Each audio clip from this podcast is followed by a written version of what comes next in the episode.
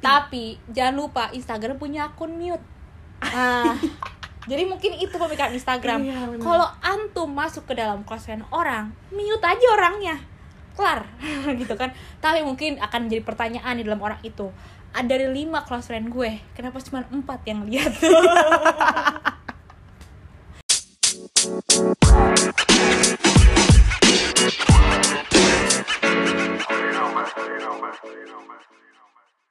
halo hai hai. Balik lagi di podcast jadi gue mau cerita. Cerita apa tuh?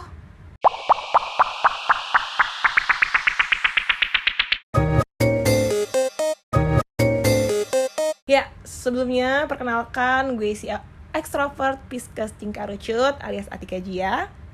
Dan gue si introvert Gemini alias Nata Nadi yang kali ini akan bercerita mengenai pengalaman lo using social media seperti itu. Nah, jujur li di umur gue 25 tahun ini saat penggunaan social media itu ya hard feeling sih. Jujur aja hard feeling gitu. Dengan melihat uh, kegiatan social media teman-teman gue yang isinya itu-itu lagi, di post itu-itu lagi, sama dia-dia lagi atau yang sekarang kayak tiba-tiba muncul orang baru dalam kehidupan temen gue yang kayak hmm. Jadi kan kayak kepo gitu. Nah, kalau lo sendiri gimana tuh? sekarang Mm-mm. Eh, sekarang dalam fase menikmati sih kayak ya udah aja gitu ngeliat sosial media memang untuk hiburan ngeliat orang-orang juga ya fine fine aja bahagia bahagia aja nggak ada sama sekali rasa-rasa merasa tertekan pressure atau iri hati dengki gitu alhamdulillah Alhamdulillah. Oke.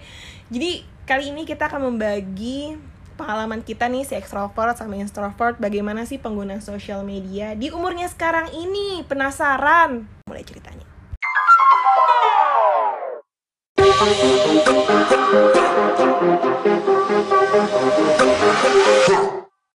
Nah, kalau dari sosial media, dari banyak sosial media yang ada nih, sosial media apa sih yang sering lo gunain? Kalau gue, gue paling sering pakai Instagram sama Twitter. Kalau Instagram karena followersnya banyak teman-teman, terus juga ada akun Instagram yang memang khusus buat follow-follow influencer dan juga uh, kreator-kreator atau penulis yang gue suka. Kalau Twitter ya tau lah buat nyari gempa aja di Twitter gitu kan, buat nyari uh, trending-trending topik apa sih yang lagi dibicarain orang-orang gitu kan, apakah uh, tentang bakal untuk suami gitu, pokoknya hal-hal yang picisan gitu. Terus kadang juga kalau di Twitter tuh lebih ke yang tweet-tweet casual kayak tweet-tweet yang biasanya ya udah nggak perlu mikir aja gitu update di Twitter gitu Oke, kalau gue sendiri sih Instagram sama TikTok sih. Lebih kayak emang anaknya demen hiburan kalau gue. Ya udah jadi kalau misalkan lagi capek ya udah ngeliat Instagram orang, foto, video. Kalau TikTok lebih kayak ngeliat gitu kalau kalau misalnya ngeliat yang hal-hal yang cakep-cakep gitu orang pergi ke mana-mana gitu kayak matanya jadi lebih seneng gitu oke dari dua sosial media yang kita gunain si Instagram ini kan sama-sama lah ya kita gunain secara sering gitu setiap hari. Kalau secara intensitas nih, lo sebagai pengguna sosial Instagram berapa lama sih yang sering lo gunain? berapa lama? Hmm, kalau intensitas biasanya pakai Instagram kan kalau habis pulang kerja. Mungkin dua jam kali ya. Lama juga gue pakai Instagram. Tapi ya dua jam. Karena kan eh, gue punya dua akun jadi kadang Dua akun ya? Oke, Iya, dua akun. Akun ya, berapa banyak Uh-uh. akun yang lo punya? uh, karena dua akun jadi kadang tuh yang akun second itu tuh hampir uh, gue scroll ada lama karena itu emang isinya tuh bener-bener gue nyari hiburan di situ gue follow follow keponakan-keponakan online gitu kan Uh, kalau yang satu lagi yang first account itu kayak emang sifatnya ya pengen tahu update orang-orang sekitar aja orang-orang yang udah jarang berkabar kayak gitu di situ.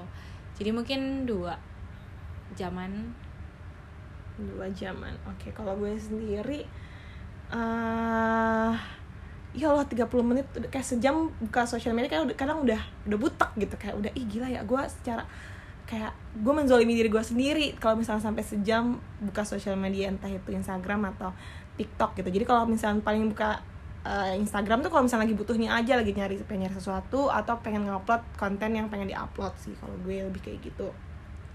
Nah dari lo sendiri nih penggunaan sosial media biasanya buat apa? Kenapa? Kenapa? Dibuka sosial media tuh karena apa biasanya? Dibuka sosial media? Ya yang, yang pasti yang pertama untuk mencari hiburan bukan? Hiburan. namanya juga sosial media gitu kan? Kayak bosan nih udah capek kerja ngapain ya? Buka sosial media walaupun kadang setelah kita buka malah makin capek.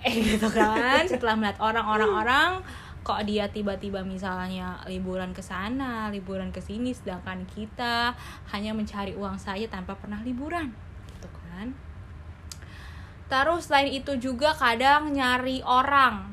Nyari kayak nggak tahu kenapa ya sekarang tuh gue ngerasa semua hal itu tuh kayak bisa di approve atau bisa terlihat kredibilitasnya ketika dia misalnya punya akun Instagram. Oh bener loh orang ini tuh existing gitu di dunia ini di dunia nyata ketika dia yang punya Instagram. Dan Instagram itu bukan yang yang gak jelas nggak ada fotonya followersnya dikit nggak kayak gitu. Tapi kayak yang nggak mesti seribuan juga sih followersnya. Cuman kayak ya dari profilnya aja tuh udah kegambar kalau oh iya bener dia orangnya gitu. Uh, paling kayak gitu sih. Kalau informasi sih menurut gue ya secara tidak langsung ya karena kan juga platform media sosial yang kita follow juga ya tahu sendiri lah isinya tuh informasi yang sama sebenarnya cuman gambar sama tulisannya aja yang dibedain gitu kan. Jadi sebenarnya ya secara tidak langsung juga yang nyari informasi tapi sebenarnya itu bukan jadi hal utama banget ketika gue buka Instagram gue pengen nyari tahu informasi apa kalau informasi sih lebih ke Twitter dibandingin Instagram gitu. Oke nah uh, tadi nih terkait yang lu bilang uh, isinya tuh kadang bikin capek. Emang sekarang apa sih? Apa sih yang lo rasa nih saat kalau misalnya lo lagi buka sosial media di umur lo yang sekarang ini gitu? Feel apa yang lo dapet? Kalau di gue kan sekarang uh, gue itu 22 tahun ya kan dan uh, isi Instagram gue itu uh, kadang tuh banyak dihiasi sama ucapan-ucapan selamat kepada orang-orang yang selesai sidang, selesai sempro gitu kan. Uh, wisuda segala macam gitu lulus. Dan alhamdulillahnya gue juga sudah masuki tahap itu gitu. Jadi sebenarnya kalau dibilang uh, hal itu buat jadi hard feeling ya enggak juga sih gitu. Nah cuma itu tadi uh, ketika kalau di gue tuh lebih kepada ketika ngeliat ada orang nih misalnya dia uh, pergi ke luar negeri ikut uh, short course atau uh, terus dia misalnya dapat beasiswa gitu kan. Kan kemarin juga sempat rame deh di beberapa Instagram gue tuh beberapa orang yang kenalan gue dia ikut ISMA gitu kan. Itu menurut gue jadi hard feeling kayak ih keren banget ya dia gitu. Walaupun dia nggak lulus tepat waktu kayak gue gitu kan tapi kayak dia bisa mendapatkan kesempatan yang lebih dan ya sebenarnya itu capek. Tapi kalau ngeliat Instagram dia tuh kadang juga senang karena ikutan jadi kayak ikutan liburan online juga dengan ngeliat snapgram snapgram sama instastory dia gitu. Oke, okay, lebih feelingnya kalau misalnya itu ya. Nah, kalau misalnya gue sendiri di umur gue 25 tahun Isinya tentu kan Orang yang udah S2 di luar negeri ngesain S2 banyak orang lamaran banyak orang kawin punya anak lahiran Betul. gitu. Atau isi sekarang udah banyak orang-orang yang nge-spill pacarnya yang selama Betul. ini nggak pernah di-spill tiba-tiba ke-spill lah tuh. Jadi kepo ini siapa lalu berjalanlah otak detektif kita dan mencari klik klik klik Klik, klik. lalu kita oh ternyata dia nyambung sama si Anu. Oh dunia ini sangat begitulah sangat sempit gitu kan. Iya kayak gitu. Terus kayak cuman hard feelingnya kadang ini aja sih. Kayak misalkan kayak ngerasa kadang ngerasa kayak gila gue 25 tahun tapi belum jadi apa-apa. Sedangkan kayak ngeliat temen gue yang udah jadi apa-apa udah dapet kerjaan PNS BUMN nge-share foto sama teman-teman kantornya gitu. Sedangkan gue masih yang suka hahaha mungkin orang juga gue gak tau kerjanya apa. Kayak gitu. Jadi kayak terkadang hard feelingnya lebih kayak kok gue gak jadi apa-apa ya? Padahal kan gak perlu jadi apa-apa juga. Ya, betul. Kayak gitu Nah, gimana sih nih cara untuk kita menghandle our social media dengan hard-hard feeling kehidupan kita? Coba dari coba anda dulu lah. Dari Oke. tadi saya mulu yang ngomong pertama. Oke, kalau misalnya cara ngehandle-nya eh, jujur aja punya social media Instagram tuh cuma satu. Gitu. Cara handle-nya adalah ngebuka Instagram tuh kalau misalkan ada butuhnya aja walaupun hilap mata pasti pernah hilap mata tujuan awal pengen mencari sesuatu pas ngeliat ada snapgram orang ih dia kepo tapi takut hard feeling dia main sama temen yang lain aduh Di situlah gitu otak kan. mulai otak dan hati mulai berdebat gitu kan. Iya. Klik enggak? Klik enggak? Klik enggak gitu kan. gitu terus jadi kayak ya udah sekarang tuh jadi kalau misalnya ngeliat snapgram orang tuh cuman orang-orang yang dipilih aja gitu. Jadi kayak misalnya orang-orang yang pengen lu tahu updatean hidupnya atau orang-orang yang emang lu tuh kayak ngeliat dia tuh kayak role model lu pengen jadi kayak dia gitu. Jadi kayak udah dibukanya itu aja. Jadi kayak picky banget nih gue kalau gue cara menghandle nya itu. Tapi segitu pun tetap ada pasti masih ada lu hard feeling yang seharusnya nggak tahu jadi tahu dalam hati mending gua nggak usah buka. Instagram. Tapi itu tangan Anda sendiri bukan? Tangan Anda jadinya tidak kesurupan, ya kan? ya enggak. Enggak kayak gitu. Jadi kayak cara ngehandle nya sih lebih kayak gitu sih. Jadi kayak gue selama umur 25 tahun nggak pernah ngerasain di mana gue nge-scrolling snapgram itu sampai habis. Sampai kayak ih kok habis? Nggak pernah nggak pernah nggak pernah ngerasain kayak gitu gitu. Jadi kadang kadang tuh kalau misalkan ketemu sama teman lama atau sama temen gitu ibaratnya kayak gue seneng deh kalau lo ngeliat story gue. Kayak. Karena saking sejarang itu ngeliat story orang gitu. Jadi karena emang milih-milih orangnya kayak gitu. Kalau gue tipalnya kayak gitu. Itu sih kalau gue. Kalau lo cara handle nya Kalau gue cara handle-nya yang pertama adalah ada beberapa orang yang gue mute. Oke. Gitu kan. Karena menurut gue kalau penyakit ya buat apa kita lihat gitu kan. Dan Instagram memiliki fitur yang namanya mute dan hide. Jadi kita bisa melakukan itu.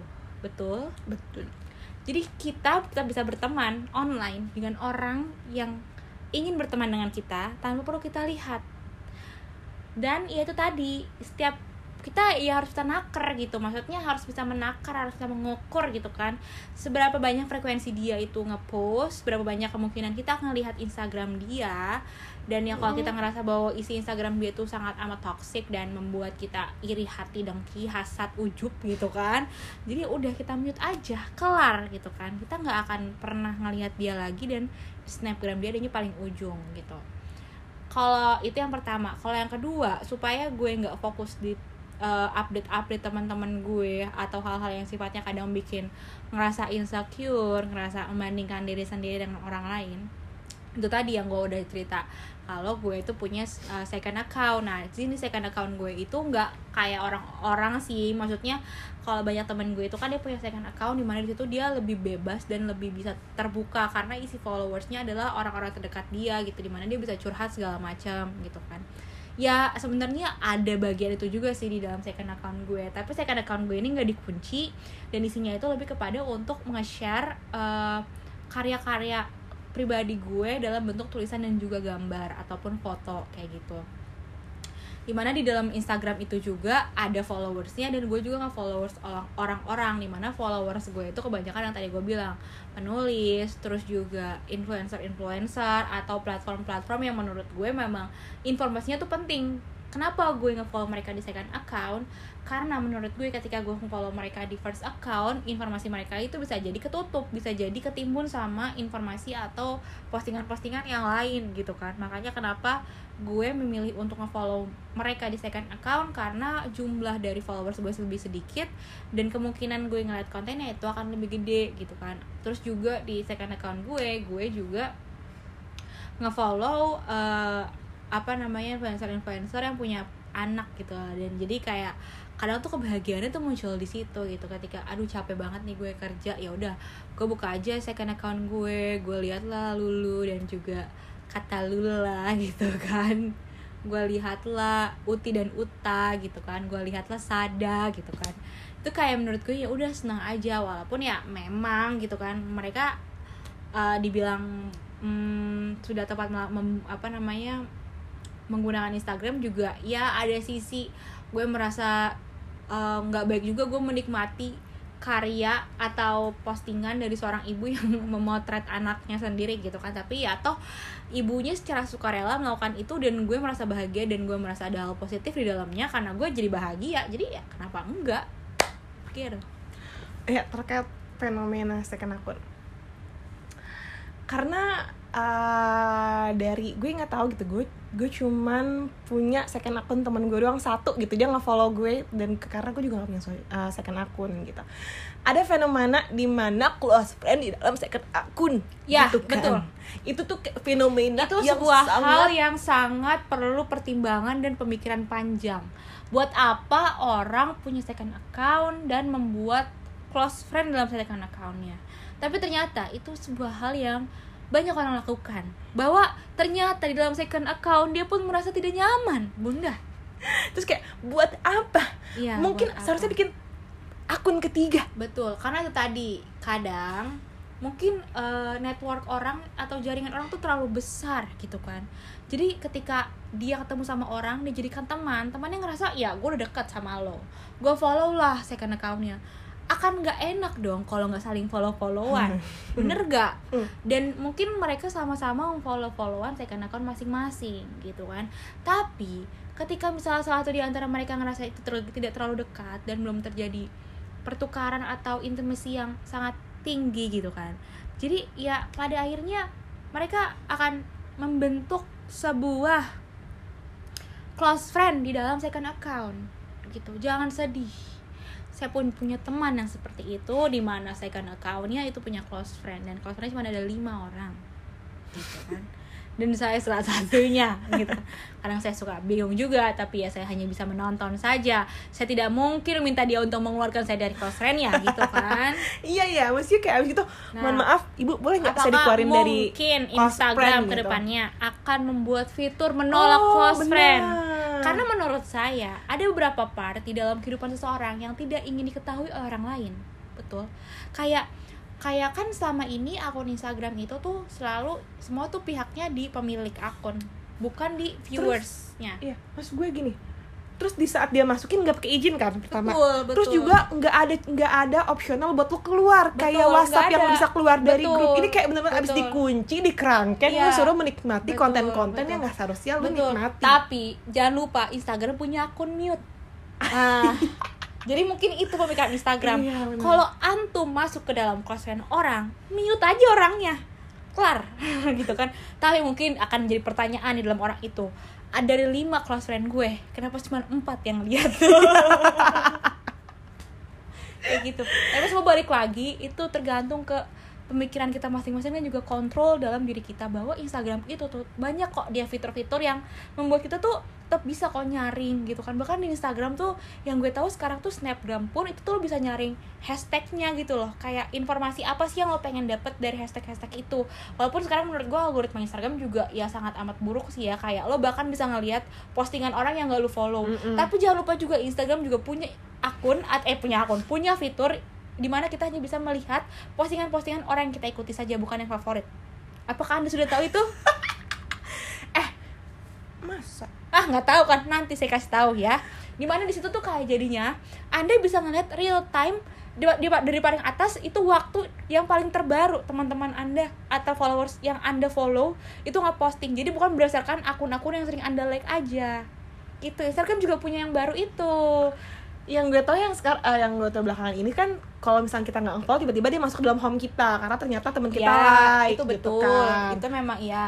Nah tapi Instagram juga punya. Jadi ketika anda di post di pojok kiri atas anda klik Instagram nanti dia akan ngebuka dua menu yaitu favorit dan juga following Wow. atau followers gitu. Nah ketika anda ngeklik yang following itu anda akan disuguhkan dengan timeline yang runut berdasarkan waktu gitu di mana teman anda jadi anda tahu teman anda yang baru saja memposting yang Oh. like-nya masih nol gitu.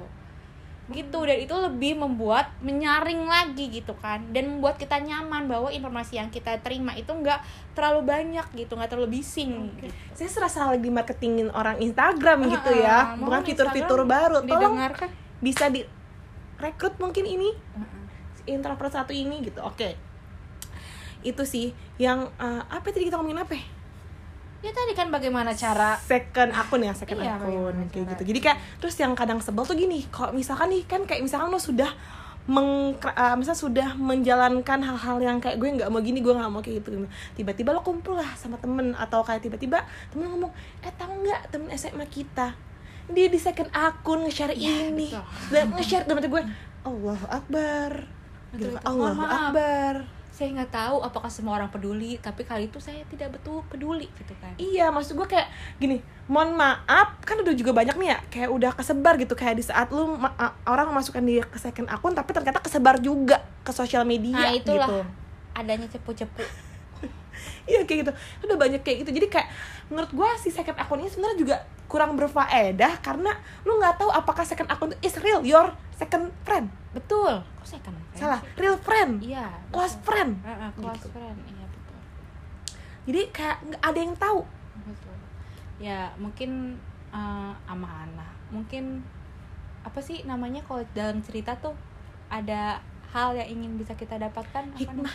iya mungkin hikmah dari itu adalah bahwa orang yang kita anggap teman belum tentu teman apalagi di dunia maya semua kan maya gitu kan tidak tidak berwujud gitu Oke, terakhir nih, kalau dari lo sendiri sih, apa sih yang lo lagi treatmentin sama diri lo untuk penggunaan sosial media? Kayak lo sedang melakukan apa gitu. Jadi kan tadi kan banyak tuh cara-cara lo. Kalau sekarang ini lo lagi lagi nge-treatment diri lo tuh untuk menggunakan sosial media tuh lebih ke apa? Lebih kayak gimana? nggak ada Oh enggak. gue mikir panjang apa ya? Lagi nggak ada. Karena ya udah lagi memang menikmati aja eh, penggunaan sosial media gue gitu. Dan memang justru sekarang eh, eh, apa ya gue malah sekarang tuh eh, berpikir ya sosial media itu awalnya kan pengennya tuh ya pengen pencitraan gitulah kayak kalau ngeliat orang-orang tuh kan ngeposting fotonya bagus gitu captionnya juga bagus snapgram juga bagus. Tapi kalau sekarang tuh gue lebih kepada ya gue pengen jadi Instagram gue ini sebagai galeri online di mana gue bisa nyimpan eh, foto-foto atau video-video yang mungkin eh, akan gue hapus di HP gue tapi ketika gue upload tuh di Instagram suatu hari nanti gue akan ingat oh di hari ini gue melakukan ini loh sama seseorang gitu. Jadi sifatnya tuh lebih kepada arsip gitu. Dan kayak ya udah gue lagi mencoba untuk itu berarti ya uh, gue lagi mencoba. Berarti ada treatment anda gimana iya sih? baru kayak baru sadar gitu gue lagi mencoba untuk ya udah feel free aja untuk nge-share hal-hal yang sifatnya memang yang saat yang saat ini sedang gue alami dan pengen gue share dan ingin gue arsipkan supaya suatu hari nanti gue inget gue melakukan ini loh gitu. Daripada momen-momen itu akhirnya nggak ketangkep gitu kan. Karena kan ya walaupun gue nggak tahu ya mungkin suatu hari nanti Instagram bisa bangkrut gitu kan. Di mana itu mengartikan semua konten-konten yang gue upload itu akan hilang gitu kan. Tapi ya selama sekarang ini ya gue berpikir yang nggak ada salahnya juga untuk mengarsipkan hal-hal yang sifatnya dalam kehidupan kita dalam Instagram gitu kalau misalnya gue sendiri sih sekarang penggunaan Instagram ya udah lagi nge-show aja bisnis-bisnis gue gitu. Nah, yang itu nanti di fotokopi satu-satu tapi kertasnya kertas apa sih? Siap. Kalau ada kopinya bisa.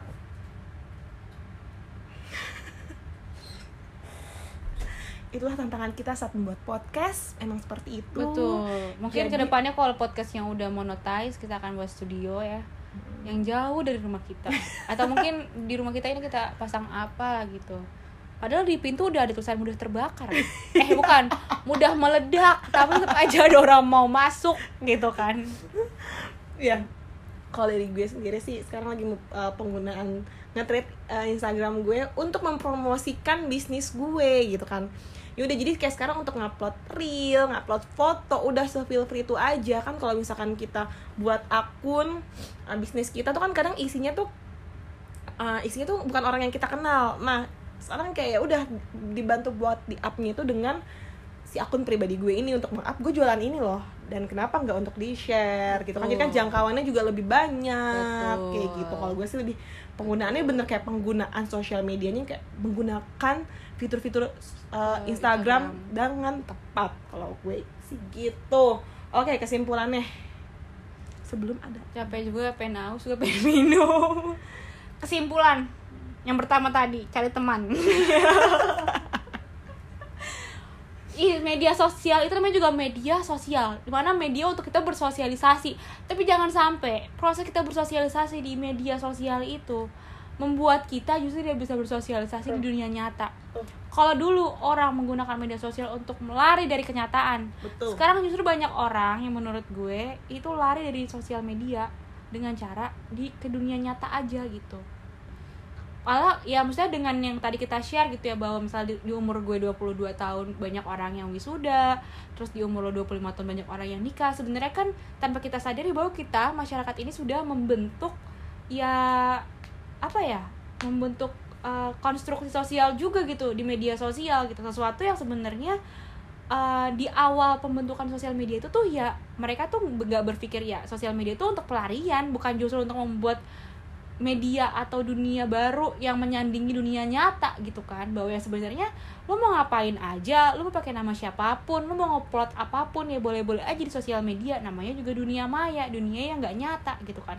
Tapi ketika kita ngeliat sekarang bahwa uh, apa pun yang terjadi di media sosial itu kita anggap real dan justru lebih kredibel gitu dibandingin apa yang terjadi di dunia nyatanya kayak gitu. Jadi ya kalau dari gue sih um, kesimpulannya adalah ya balik lagi ke diri lo gitu. Balik lagi ke gimana cara lo mengendalikan dan juga menggunakan sosial media itu sendiri. Kalau lo ngerasain memang sosial media itu adalah cara lo untuk bisa membagikan momen-momen lo ke orang lain lo mau pamer ya silahkan gitu. Selagi lo mencapai tujuan lo yang apa apa juga.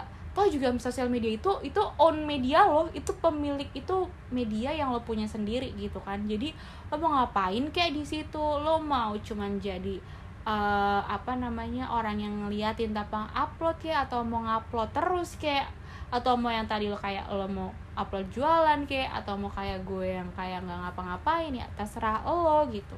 Itu semua balik lagi ke lo dan menurut gue sekarang Instagram tuh udah begitu banyak fitur yang bisa lo gunain untuk membuat lo lebih bisa mengontrol diri lo dalam penggunaan Instagram gitu.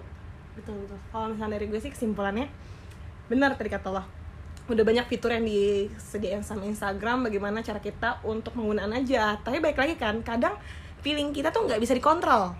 Ya kan? Udah ada fitur tapi tetap aja tangan kita masih gatel ngeklik tangan kita pengen nge-scrolling gitu. Dan kayak jadi hard feeling lagi baik lagi hard feeling. Nah kalau gue sih uh, kesimpulannya bagaimana how to manage hard feeling kita dengan yaudah ayo yuk kita belajar untuk meridoi apa yang kita lihat di depan mata kita. Gitu kayak oke okay, kalau misalkan dia kawin ya udah. Kayak ayo kita belajar untuk ya udah emang dia waktunya kawin. Emang dia waktunya lamaran sekarang ini. Emang dia waktunya lulus S2 saat ini. Emang dia waktunya ngespil pacarnya saat ini. Kayak gitu. Jadi kayak belajar aja gitu. Apa yang udah jadi ketetapan dari temen-temen lo yang temen lo sharing di Instagram tuh ya udah emang udah ketetapannya aja.